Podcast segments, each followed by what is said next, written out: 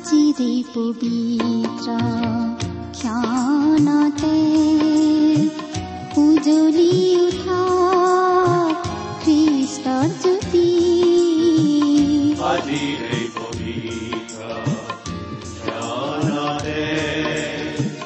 উজ্বলি উঠা খ্ৰীষ্টৰ জ্যোতি।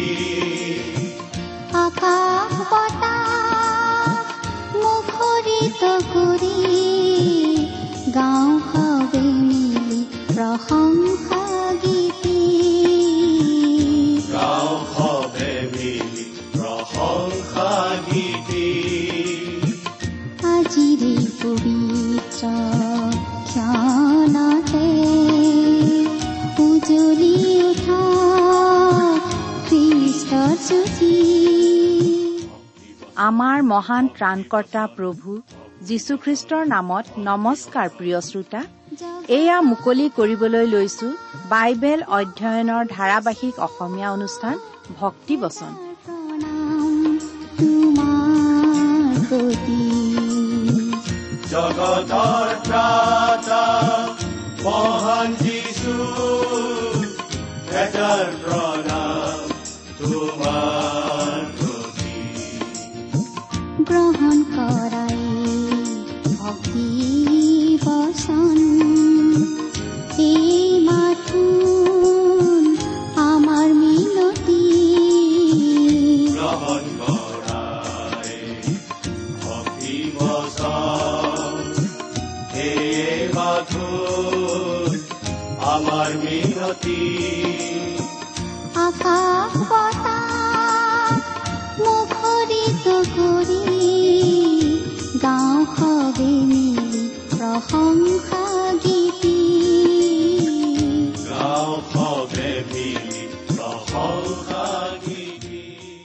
আমাৰ মহান ত্ৰাণকৰ্তা প্ৰভু যীশুখ্ৰীষ্টৰ নামত নমস্কাৰ প্ৰিয় শ্ৰোতা।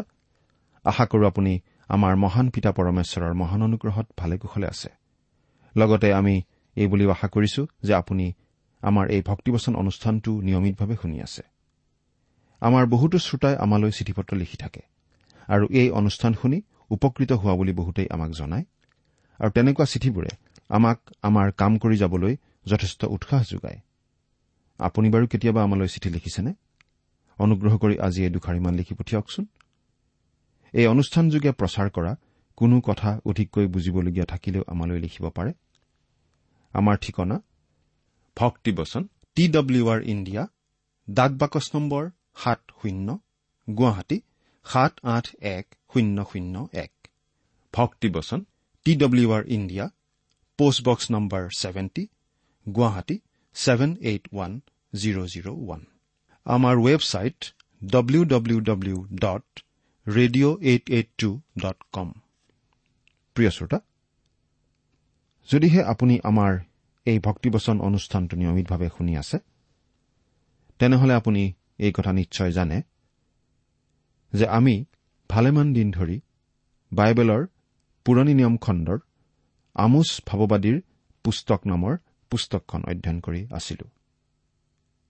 আমি বহুদূৰ আগবাঢ়ি আহিলো। আৰু আজিৰ অনুষ্ঠানত আমি এই আমোচ ভাৱবাদীৰ পুস্তকখনৰ অধ্যয়নৰ সামৰণি মাৰিবলৈ ওলাইছো। অৰ্থাৎ এই পুস্তকখনৰ ন নম্বৰ অধ্যায়ৰ অৰ্থাৎ শেষৰটো অধ্যায়ৰ এক নম্বৰ পদৰ পৰা পোন্ধৰ নম্বৰ পদ অৰ্থাৎ শেষৰটো পদলৈকে আমাৰ আলোচনা আগবঢ়াম। ইয়াত আমি ইছৰাইলৰ অন্ধকাৰ যুগৰ পাছত গৌৰৱপূৰ্ণ দিনবোৰৰ বিষয়ে জানিব পাৰিম। অনুগ্ৰহ কৰি মনোযোগেৰে শুনিব। এতিয়া আমি প্ৰাৰ্থনাৰে আলোচনালৈ আগবাঢ়ি যাওঁ আহক।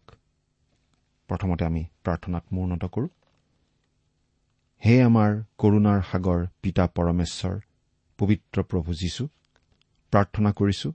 আপুনি আমাক সকলোকে দয়া কৰক। আৰু আমাৰ মনৰ পৰা অজ্ঞানতা দূৰ কৰি এনে জ্ঞান দিয়ক যেন আপোনাক আমি চিনি পাব পাৰো। আপোনাৰ মহান বাক্য বাইবেল শাস্ত্ৰ অধ্যয়ন কৰোতে আমাক সহায় কৰক যাতে আপোনাৰ বাক্য আমি বুজি পাব পাৰো আপোনাৰ স্পষ্ট মাত আমি প্ৰত্যেকেই যাতে শুনিব পাৰো। আপোনাৰ উপস্থিতি আমাৰ লগত থাকক। প্ৰভু যীশুৰ নামত এনে প্ৰাৰ্থনা আগবঢ়াইছো। আমেন।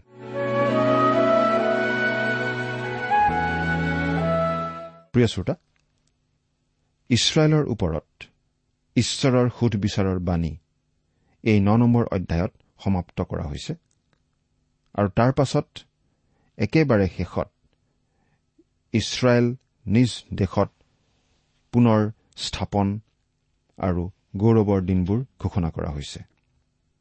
এতিয়া আমি ন নম্বৰ অধ্যায়ৰ এক নম্বৰ পদটি পাঠ কৰি দিম শুনিবচোন। মই প্ৰভুক বেদীটোৰ ওচৰত থিয় হৈ থকা দেখিলো। আৰু তেওঁ কলে দুৱাৰ দলিবোৰ লৰিবৰ নিমিত্তে তুমি স্তম্ভবোৰৰ মাখলাত আঘাত কৰা আৰু সেইবোৰ দুখৰ দুখৰকৈ ভাঙি আটাই লোকবিলাকৰ ওপৰত পেলোৱা। মই তেওঁবিলাকৰ অৱশিষ্টবিলাকক তৰোৱালেৰে বধ কৰিম। তেওঁবিলাকৰ মাজৰ এজনেও পলাব নোৱাৰিব আৰু তেওঁবিলাকৰ মাজৰ এজনেও সাৰিব নোৱাৰিব। প্ৰিয় শ্ৰোতা ইয়াত যিটো বেদীৰ কথা কোৱা হৈছে এইটো জিৰচালেমৰ চলোমনৰ মন্দিৰৰ বেদী নহয়। কিন্তু এইটো চমৰীয়াৰ সেই বাল দেৱতাৰ বেদী। চমৰীয়াত এই বেদীৰ ভগ্ন অৱশেষ আজিও আছে। এটা সময়ত ওচৰীয়াসকলে ইছৰাইলীয়া লোকসকলক আক্ৰমণ কৰিব আৰু তেতিয়া তেওঁলোকে মন্দিৰৰ ভিতৰত আশ্ৰয় ল'ব। কিন্তু সেই মন্দিৰৰ স্তম্ভবোৰ ভাঙি পেলোৱা হ'ব আৰু মন্দিৰটো খহি মাটিত পৰিব। তেতিয়া তাত লুকাই থকা মানুহবিলাক চেপা খাই মৰিব। আকৌ মন্দিৰৰ বাহিৰত যিবিলাক মানুহ থাকিব তেওঁলোকে পলাবলৈ চেষ্টা কৰিব। কিন্তু তেনে কৰোতে শত্ৰুবোৰে তেওঁলোকক ধৰি বন্দী কৰি লৈ যাব। এইবুলি আমোচ ভৱাদীৰ যোগেদি জনাই দিয়া হৈছিল। আৰু সঁচাকৈ তেনেকুৱা ঘটিছিল। দুই নম্বৰ পদ। তেওঁবিলাকে গাঁত খান্দি চিউললৈ গলেও তাৰ পৰা মোৰ হাতে তেওঁবিলাকক আনিব আৰু আকাশ মণ্ডললৈ উঠিলেও মই তাৰ পৰা তেওঁবিলাকক নমাম। প্ৰিয় শ্ৰোতা চিউল মানে হ'ল নৰক অৰ্থাৎ অনন্তকাল মহাযন্ত্ৰণাৰ ঠাই। আজি মানুহে নৰক বোলা বস্তুটো মনৰ পৰা একেবাৰে মচি পেলাবলৈ চেষ্টা কৰি আছে। কাৰণ দুষ্ট লোকৰ বাবে এই নৰক বৰ ভয়ানক। দুটা কাৰণত দুষ্ট লোকে নৰকলৈ ভয় কৰে। তাৰে এটা হ'ল ঈশ্বৰ সকলো ঠাইতে বিৰাজমান আৰু আনটো হ'ল ঈশ্বৰ অপৰিৱৰ্তনীয়। অৰ্থাৎ ঈশ্বৰ সদায় একে সলনি নহয়। আমাৰ প্ৰভু যীশুখ্ৰীষ্টও সদাকাল একে। ঈশ্বৰৰ সন্তান অৰ্থাৎ প্ৰকৃত খ্ৰীষ্টীয় লোকৰ বাবে এইটোৱেই আটাইতকৈ ডাঙৰ সান্তনা। কিন্তু দুষ্ট লোকৰ বাবে ই ভয়ৰ কাৰণ। এতিয়া চাওকচোন। ঈশ্বৰ সকলোতে বিৰাজমান হোৱা হেতুকে। তেওঁৰ সন্তান য'তেই নাথাকক ঈশ্বৰে তেওঁক কেতিয়াও নেৰে। প্ৰভু যীশুৱেও কৈছে যে মোৰ পাছত অহাজনক মই কেতিয়াও এৰি নিদিম বা ত্যাগ নকৰিম। তাৰমানে তেওঁ যেতিয়া কোনো এজনক আঁকোৱালি লৈছে তেওঁক অনন্তকালৰ কাৰণেই লৈছে। পৃথিৱীৰ কোনো শক্তিয়ে তেওঁক বিচ্ছেদ কৰিব নোৱাৰে। গতিকে আজি যিজনে যীশুখ্ৰীষ্টক ত্ৰাণকৰ্তা প্ৰভুৰূপে বিশ্বাস কৰিছে তেওঁ খ্ৰীষ্টৰ লগত সংযুক্ত হৈ আছে যিদৰে গা গছত ডাল সংযুক্ত হৈ থাকে। ডাল যেনেকৈ গা গছৰ লগত সংযুক্ত তেনেকৈ খ্ৰীষ্টীয় লোক ঈশ্বৰৰ লগত সংযুক্ত। এইটোৱেই হ'ল খ্ৰীষ্টীয় লোকৰ কাৰণে ডাঙৰ সান্তনা। কাৰণ মৃত্যুৱেও তেওঁক ঈশ্বৰৰ পৰা বিচ্ছেদ কৰিব নোৱাৰে। কিন্তু ঈশ্বৰ যে সৰ্বত্ৰ বিৰাজমান ঈশ্বৰ যে আছে এইটো বিশ্বাস নকৰা লোকবিলাকৰ কাৰণে বৰ ডাঙৰ ভয়ৰ কাৰণ। বহুতো মানুহে আত্মহত্যা কৰে যাতে তেওঁ ঈশ্বৰৰ পৰা আঁতৰি থাকিব পাৰে। অৱশ্যে আত্মহত্যা কৰাৰ দ্বাৰা জ্বালা যন্ত্ৰণা সমস্যা হাই কাজিয়াৰ পৰা আঁতৰি থাকিব পাৰে কিন্তু ঈশ্বৰৰ পৰা কোনো মানুহ লুকাই থাকিব নোৱাৰে। গীত ৰচক ডায়ুদে এই কথাটো বুজিছিল আৰু সেইকাৰণে ডায়ুদে এই বুলি কৈছিল হে ঈশ্বৰ তোমাৰ আত্মাৰ পৰা মই কলৈ যাম? আৰু তোমাৰ দৃষ্টিৰ পৰা মই কত লুকাম? যদি মই আকাশলৈ উঠো তাতো তুমি আছা। আৰু যদি মই চিউলত মোৰ শয্যা পাৰো চোৱা তাতো তুমি আছা। গতিকে প্ৰিয় শ্ৰোতা আপুনি আজি যিয়েই নহওক কিয় ঈশ্বৰৰ পৰা কেতিয়াও লুকাই থাকিব নোৱাৰে বা হাত সাৰিব নোৱাৰে। দুষ্ট লোকৰ কাৰণে ঈশ্বৰৰ এই গুণটো বৰ ডাঙৰ ভয়ৰ কাৰণ। কিয়নো দুষ্ট লোকসকলৰ দুষ্টতাৰ সুধবিচাৰ ঈশ্বৰে কৰিবই। আন এটা কাৰণ হ'ল যে ঈশ্বৰ সদায় একে। ঈশ্বৰ কেতিয়াও সলনি নহয়। ঈশ্বৰৰ পৰিৱৰ্তন নাই। প্ৰভু যীশু সদায় একে। যোৱাকালি আজি আৰু অনন্ত যুগৰ বাবে তেওঁ সদায় একে। এইটো ঈশ্বৰৰ সন্তানৰ কাৰণে বৰ আনন্দৰ বিষয়। কিন্তু দুষ্ট লোকৰ বাবে এইটো এটা ভয়ানক বিষয়। কাৰণ দুষ্টতাৰ ফল ঈশ্বৰে যি বুলি ঘোষণা কৰিছিল সেইটো আজিও একেই আছে। সেই ফল ঈশ্বৰে যদি দিম বুলি কৈছিল তেওঁ যিহেতু সলনি হোৱা নাই সেই ফল তেওঁ দিবই। তিনি নম্বৰ পদ শুনিবচোন। আৰু তেওঁবিলাক কৰ্মিলৰ টিঙত লুকাই থাকিলে মই বিচাৰি তেওঁবিলাকক তাৰ পৰা উলিয়াম। আৰু তেওঁবিলাকে সাগৰৰ তলিত মোৰ দৃষ্টিৰ পৰা গুপ্ত থাকিলেও সেই ঠাইতো মই নাগক আজ্ঞা দিম। তাতে সি তেওঁবিলাকক দংশিব। ইয়াৰ দ্বাৰা কোৱা হৈছে যে কোনো দুষ্ট লোক যদি সেই সময়ত কোনোমতে মৃত্যুৰ পৰা পলাই সাৰে তথাপিতো তেওঁ ঈশ্বৰৰ সুধবিচাৰৰ পৰা কেতিয়াও ৰক্ষা নাপাব। কাৰণ তেওঁ শত্ৰুৰ হাতত বন্দী হ'ব আৰু তাত জীয়াটো ভুগিব লাগিব। দুষ্ট লোক যিমানেই অহংকাৰী নহওক কিয় তেওঁ ঈশ্বৰক আৰু ভৱিষ্যতক ভয় কৰেই। দুষ্ট লোকৰ কাৰণে আচলতে কতো ৰক্ষা নাই কতো শান্তি নাই। আত্মহত্যা কৰিও ঈশ্বৰৰ পৰা সাৰিব নোৱাৰে বৰং বেছি বিপদতহে পৰিব। কাৰণ আত্মহত্যা কৰা মানে হ'ল গৰম কেৰাহীৰ পৰা জুইত জাপ দি পৰাৰ নিচিনা কথা। উদাহৰণস্বৰূপে ঈশ্বৰে কৰ্মিলৰ কথাটো কৈছে যে সেই কৰ্মিল পাহাৰৰ টিঙত লুকাই থাকিলেও ঈশ্বৰে তাৰ পৰা বিচাৰি উলিয়াব। কৰ্মিল এখন বৰ ওখ পৰ্বত আৰু বহুতো গুহা তাত আছে। সেই পৰ্বতৰ এটা দাঁতিত সাগৰ আছে। সেইকাৰণে কৈছে যে কৰ্মিলৰ গুহাত বা সাগৰৰ তলিত লুকালেও ঈশ্বৰে বিচাৰি উলিয়াবই। এতিয়া চাৰি আৰু পাঁচ নম্বৰ পদ শুনিবচোন। আৰু তেওঁবিলাক তেওঁবিলাকৰ শত্ৰুৰ আগে আগে বন্দী অৱস্থালৈ গলেও তাতো মই তৰোৱালখনক আজ্ঞা কৰিম। তাতে সেয়ে তেওঁবিলাকক বধ কৰিব। আৰু মংগলৰ নিমিত্তে নহয় অমংগলৰ নিমিত্তেহে মই তেওঁবিলাকলৈ দৃষ্টি কৰিম। কিয়নো যিজনাই দেশখন চুলে সেয়ে পমি যায়। তাৰ আটাই নিবাসীয়ে শোক কৰে। বৰকৈ উফন্দি অহা নদীৰ নিচিনা পুনৰাই বহি যোৱা মিছৰৰ নদীৰ নিচিনাই হয়। বাহিনীবিলাকৰ ঈশ্বৰ জিহুৱা সেই জনাই প্ৰিয় শ্ৰোতা অতীত কালত ইছৰাইল দেশখন সঁচাকৈ মৌ আৰু গাখীৰ বৈ থকা দেশৰ নিচিনা আছিল। কিন্তু আজি সেই মৌ গাখীৰ ইছৰাইলত নাই। সেই উপচি পৰা অৱস্থা দেশ সেইখন নহয়। আজি ইছৰাইলত যথেষ্ট পৰিমাণে জলসিঞ্চন আৰু আধুনিক পদ্ধতিত খেতি বাতি কৰা হৈছে হয়। কিন্তু তথাপিতো আগৰ সেই জয় জয় মই মই অৱস্থা সেই দেশলৈ ঘূৰি অহা নাই কাৰণ সেই দেশত ঈশ্বৰৰ সুধবিচাৰ এতিয়াও আছে। জলসিঞ্চনৰ যোগেদি কিছু ফল মূল বা শাক পাচলি উৎপাদন হোৱা দেখি বহুতে ক'ব খোজে যে ইছৰাইলৰ গৌৰৱৰ দিন আৰম্ভ হৈছে নেকি? কিন্তু নাই হোৱা। শাস্ত্ৰীয় বচন সিদ্ধ হবলৈ এতিয়াও বাকী আছে। এই কথাটো আমি ভালদৰে মনত ৰখা উচিত। ছয় নম্বৰ পদ যিজনাই আকাশমণ্ডলত নিজৰ কোঠালীবোৰ সাজিলে আৰু পৃথিৱীৰ ওপৰত নিজৰ চন্দ্ৰতাপ স্থাপন কৰিলে যিজনাই সমুদ্ৰৰ জল আহান কৰি পৃথিৱীৰ ওপৰত ঢালি দিলে সেইজনা তেওঁ জিহুৱা তেওঁৰ নাম।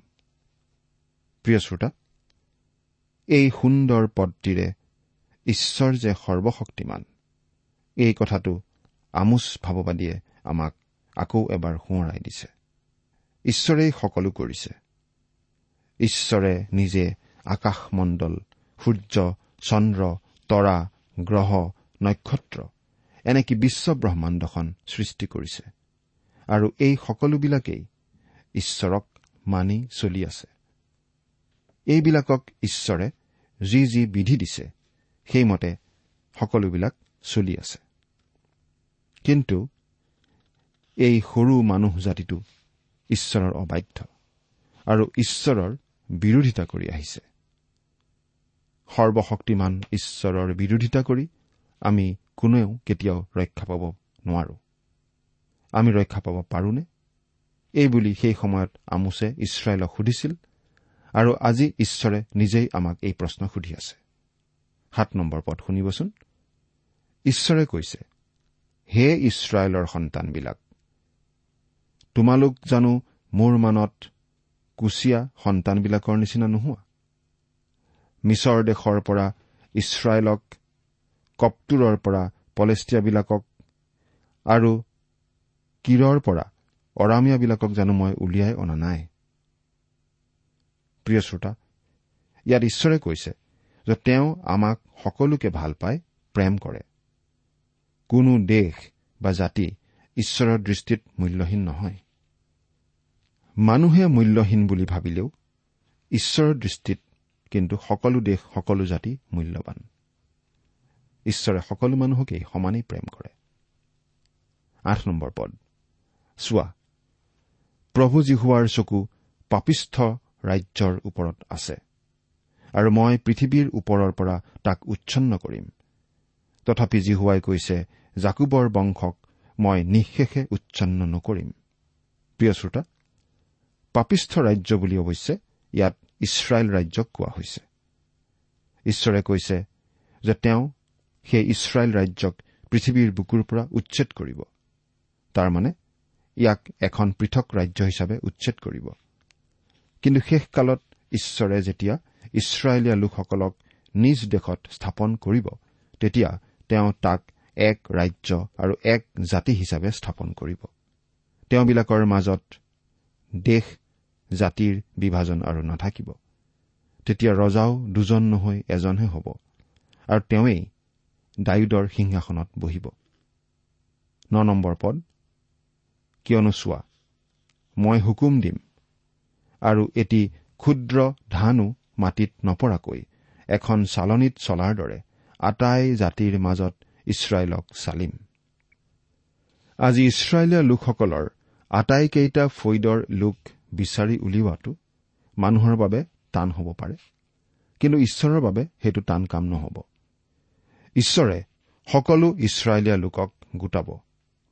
আৰু এই বুলি কোৱা হৈছে যে এটাও নপৰাকৈ চালনীত চলাৰ নিচিনাকৈ তেওঁ ইছৰাইলীয়া লোকক চালি উলিয়াব। মংগলৰ কাৰণেই হওক বা অমংগলৰ কাৰণেই হওক এজন ইছৰাইলীয়া লোকো ঈশ্বৰৰ হাতৰ পৰা নেহেৰাব। দহ নম্বৰ পদটো চাওকচোন। অমংগলে আমাৰ লগ নধৰিব বা আমাৰ আগত উপস্থিত নহ'ব বুলি কোৱা মোৰ প্ৰজাবিলাকৰ আটাই পাপী তৰোৱালৰ দ্বাৰাই মৰা পৰিব। প্ৰিয় শ্ৰোতা ইয়াত কোৱা হৈছে যে ইছৰাইলৰ পাপীসকলৰ অৱস্থা এনেকুৱাই হ'ব। তেওঁলোক মৰা পৰিব। ব্যক্তিগত হিচাপেই ঈশ্বৰে তেওঁলোকক চিনি পায়। যিজন ঈশ্বৰলৈ নুঘূৰে তেওঁৰ সুধবিচাৰ ঈশ্বৰে কৰিবই। আজি আমাৰ খ্ৰীষ্টীয় মণ্ডলীৰ ক্ষেত্ৰতো একেই কথা। মণ্ডলীৰ সভ্যভুক্ত হোৱা সকলো মানুহেই ৰক্ষা নাপাব। এগৰাকী বিখ্যাত বাইবেল পণ্ডিতে এই কথা তেখেতৰ জীৱনৰ পৰিচৰ্যাৰ অভিজ্ঞতাৰ পৰাই কৈছে। মণ্ডলীৰ সভ্যভুক্ত হোৱা সকলো লোকেই যে প্ৰকৃত বিশ্বাসী তেনে নহয়। পাচনি পৌলেও কৈছে ইছৰাইলৰ হলেই যে সকলো ইছৰাইলীয়া তেনে নহয়। দুই ধৰণৰ ইছৰাইলীয়া আছে। এক ধৰণৰ হল স্বাভাৱিক আৰু আন ধৰণৰ হল আম্মিক এয়া হল বিশ্বজুৰি ইছৰাইলক একত্ৰিতকৰণ আৰু প্ৰভুৰ ৰাজ্যৰ পুনৰ স্থাপনৰ বিষয়ে আমোচৰ চূড়ান্ত দৰ্শন। ঈশ্বৰৰ সুধবিচাৰৰ ফল আৰু মহাক্লেশৰ পাছত কি হ'ব তাকো আমোচে দেখা পাইছিল। সেই বিষয়ে এঘাৰ নম্বৰ পদ পাঠ কৰিছো শুনিবচোন। সেইদিনা মই ডায়ুদৰ পৰি থকা পজাটো পুনৰাই তুলিম আৰু তাৰ ফাটবোৰ মাৰিম। মই তাৰ ভগা চিগাবোৰ বাতি তাক আগৰ নিচিনা কৰিম। ইয়াত সেইদিনা মানে ইছৰাইলৰ একেবাৰে শেষৰ যুগটোৰ বিষয়ে কোৱা হৈছে। ঈশ্বৰে ডায়ুদৰ ভগা পজা পুনৰ তুলিম বুলি কোৱা মানে কি কৈছে বাৰু? এই বিষয়ে পাচনি কৰ্মৰ পোন্ধৰ নম্বৰ অধ্যায়ত এইদৰে কোৱা হৈছে তেওঁলোকৰ কথা শেষ হলত জাকুবে উত্তৰ কৰি কলে হে ভাইসকল মোৰ কথা শুনা। ঈশ্বৰে নিজ নামৰ নিমিত্তে পৰজাতি লোকৰ মাজৰ পৰা এটা সমাজ গ্ৰহণ কৰিবলৈ প্ৰথমে কেনেকৈ তেওঁলোকলৈ দৃষ্টি কৰিলে তাক চিমুনে বৰ্ণনা কৰিলে। ভাৱবাদীসকলৰ বাক্যও তাৰে সৈতে মিলে। এই বিষয়ে লিখা আছে বোলে যুগৰ আৰম্ভণিৰে পৰা জনা এইবোৰ কৰ্ম সিদ্ধ কৰোতা প্ৰভুৱে কৈছে। অৱশিষ্ট মানুহবিলাক অৰ্থাৎ যি পৰজাতি লোক মোৰ নামেৰে প্ৰখ্যাত হ'ব। সেই সকলোৱে যেন প্ৰভুক বিচাৰে এই নিমিত্তে মই ওলটি আহি ডায়ুদৰ পৰি থকা পজা আকৌ সাজিম আৰু তাৰ ভগ্ন অৱশেষ পুনৰাই নিৰ্মাণ কৰি তাক থিয় কৰিম। আজি অৱশ্যে ঈশ্বৰে নিজ নামৰ নিমিত্তে অনাজিহুদী লোকসকলৰ পৰা অনা ইছৰাইলীয়া লোকসকলৰ পৰা এক সমাজ আহান কৰি আছে। ইয়াৰ পাছত তেওঁ ডায়ুদৰ পজা তুলিব আৰু এয়াই হ'ব প্ৰভু যীশুৰ হাজাৰ বছৰীয়া ৰাজত্বৰ আটাইতকৈ মহান দিনবিলাক। সেই দিন এতিয়াও আহি পোৱা নাই। মোৰ প্ৰজাবিলাকে ইডুমৰ অৱশিষ্ট ভাগ আৰু মোৰ নামেৰে প্ৰখ্যাত হোৱা আটাই জাতিক অধিকাৰ কৰিবলৈ মই ইয়াক কৰিম। ইয়াৰ শাসনকৰ্তা জিহুৱাই এই কথা কৈছে।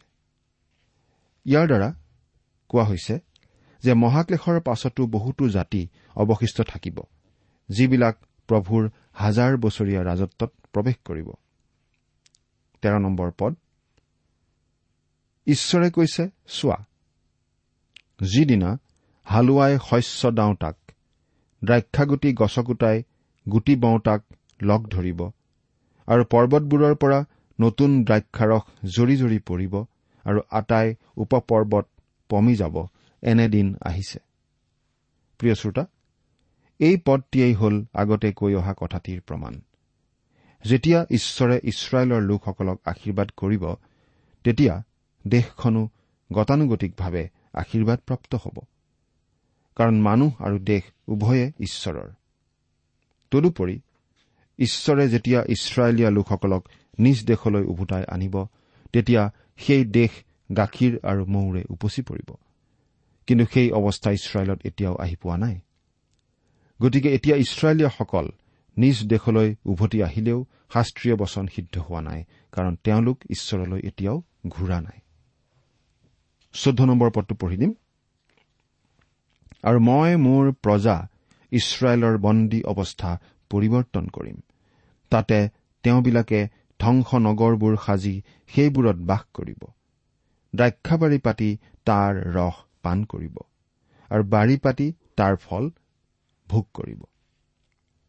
প্ৰিয় শ্ৰোতা ঈশ্বৰে ইছৰাইল জাতিক নিজ দেশত স্থাপন কৰিব।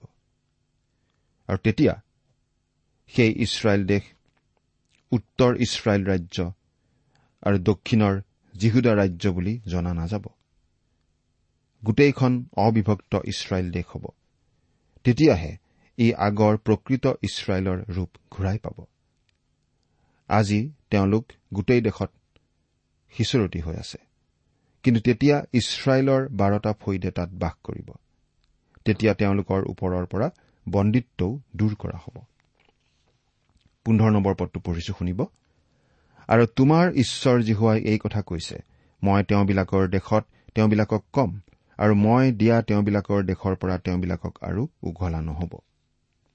ইয়াত কোৱা হৈছে যে ঈশ্বৰে যেতিয়া ইছৰাইলক পুনৰ নিজ দেশত স্থাপন কৰিব সেয়া চিৰস্থায়ী হ'ব। তেতিয়া ঈশ্বৰে তেওঁলোকৰ বাবে কেইটামান কাম কৰিব। প্ৰথমটো হৈছে ঈশ্বৰে ডায়ুদৰ সিংহাসন স্থাপন কৰিব। সেই সিংহাসনৰ ৰজা কোন হ'ব জানেনে? তেওঁ হৈছে ডায়ুদৰ বংশত জন্মগ্ৰহণ কৰা প্ৰভু যীশুখ্ৰীষ্ট। দ্বিতীয়তে তেতিয়া ইছৰাইলে কোনো দেশ বা জাতিৰ ওপৰত মুখাপেক্ষী নহ'ব। কাৰণ ঈশ্বৰ নিজেই সেই দেশৰ সহায়কৰ্তা হ'ব। তৃতীয়তে তেতিয়া বিশ্বৰ দেশবোৰে যীশুখ্ৰীষ্টলৈ মন মুকলি কৰিব আৰু তেওঁক গ্ৰহণ কৰিব। সেই সময়তে সৰ্বাধিক মানুহে ঈশ্বৰক চিনি পাব আৰু তেওঁলৈ ঘূৰিব। চতুৰ্থতে তেতিয়া তেওঁলোকে নগৰবোৰ পুনৰ নিৰ্মাণ কৰিব আৰু তাত বাস কৰিব। আৰু পঞ্চমতে তেতিয়া দেশ ফল মূল গাখীৰ মৌ ইত্যাদিৰে উপচি পৰিব আৰু তেওঁলোকে সেইবোৰ খাই আনন্দ কৰিব আৰু ঈশ্বৰক প্ৰশংসা কৰিব তেওঁলোকৰ পৰা অভিশাপ আঁতৰি যাব আশীৰ্বাদেৰে পৰিপূৰ্ণ হ'ব। কি মনোমোহা দিন তেওঁলোকৰ বাবে ৰৈ আছে? কিন্তু তাৰ আগতে আছে মহাক্লেশ। ইয়াৰ পৰা ৰক্ষা পাবলৈ তেওঁলোকে ঈশ্বৰৰ ওচৰত নিৰ্ভৰ কৰিব লাগিব। সেই মহাক্লেশেই হওক বা অনন্ত নৰকৰ যন্ত্ৰণাৰ পৰাই হওক আমি ৰক্ষা পাব পাৰো। যদিহে আমি প্ৰভু যীশুখ্ৰীষ্টক আমাৰ ত্ৰাণকৰ্তা হিচাপে গ্ৰহণ কৰো। সেই কাম আপুনি বাৰু কৰিছেনে? চিন্তা কৰি চাওকচোন। ঈশ্বৰে আপোনাক আশীৰ্বাদ কৰক। আহমেন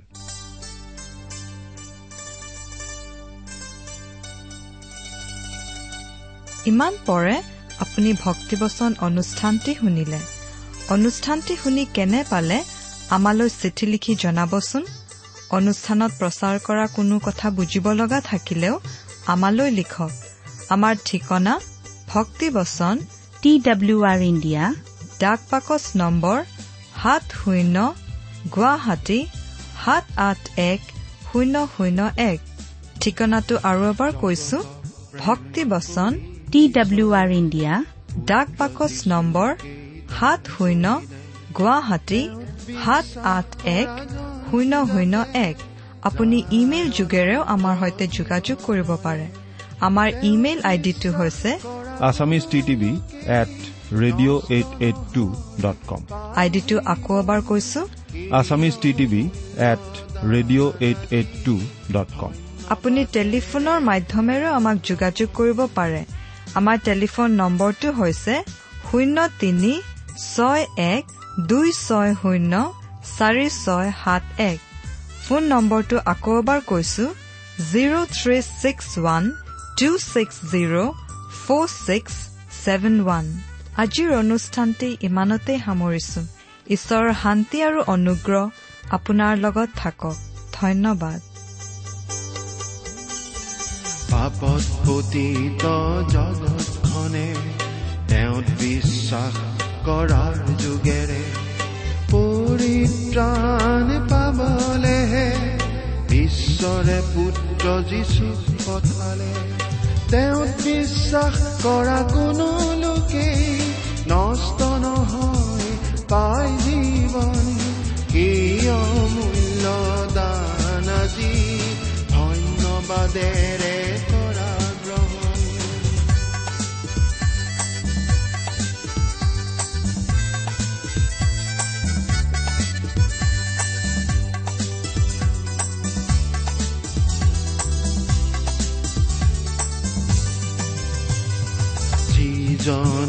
তেওঁৰ বাক্য শুনি বিশ্বাস মাথো তেওঁতে কৰে।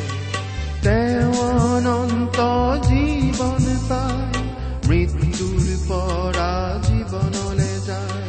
তেওঁত বিশ্বাস কৰা কোনো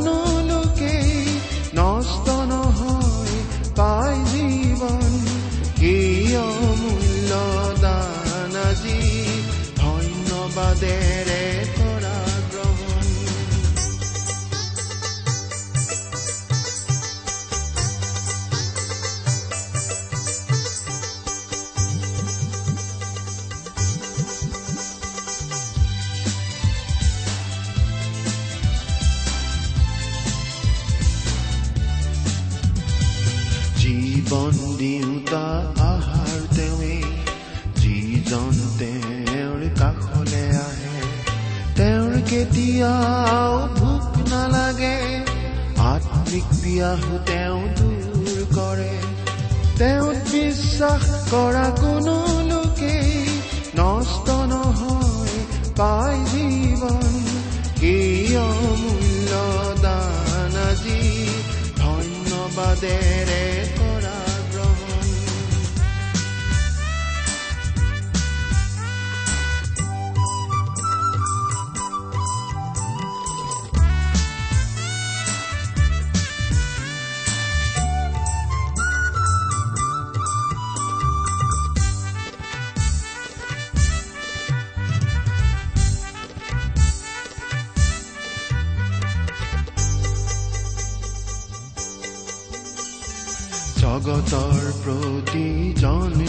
লোককে মাতি আছে তেওঁ মৰমেৰে যিচুৰ আহ্বানত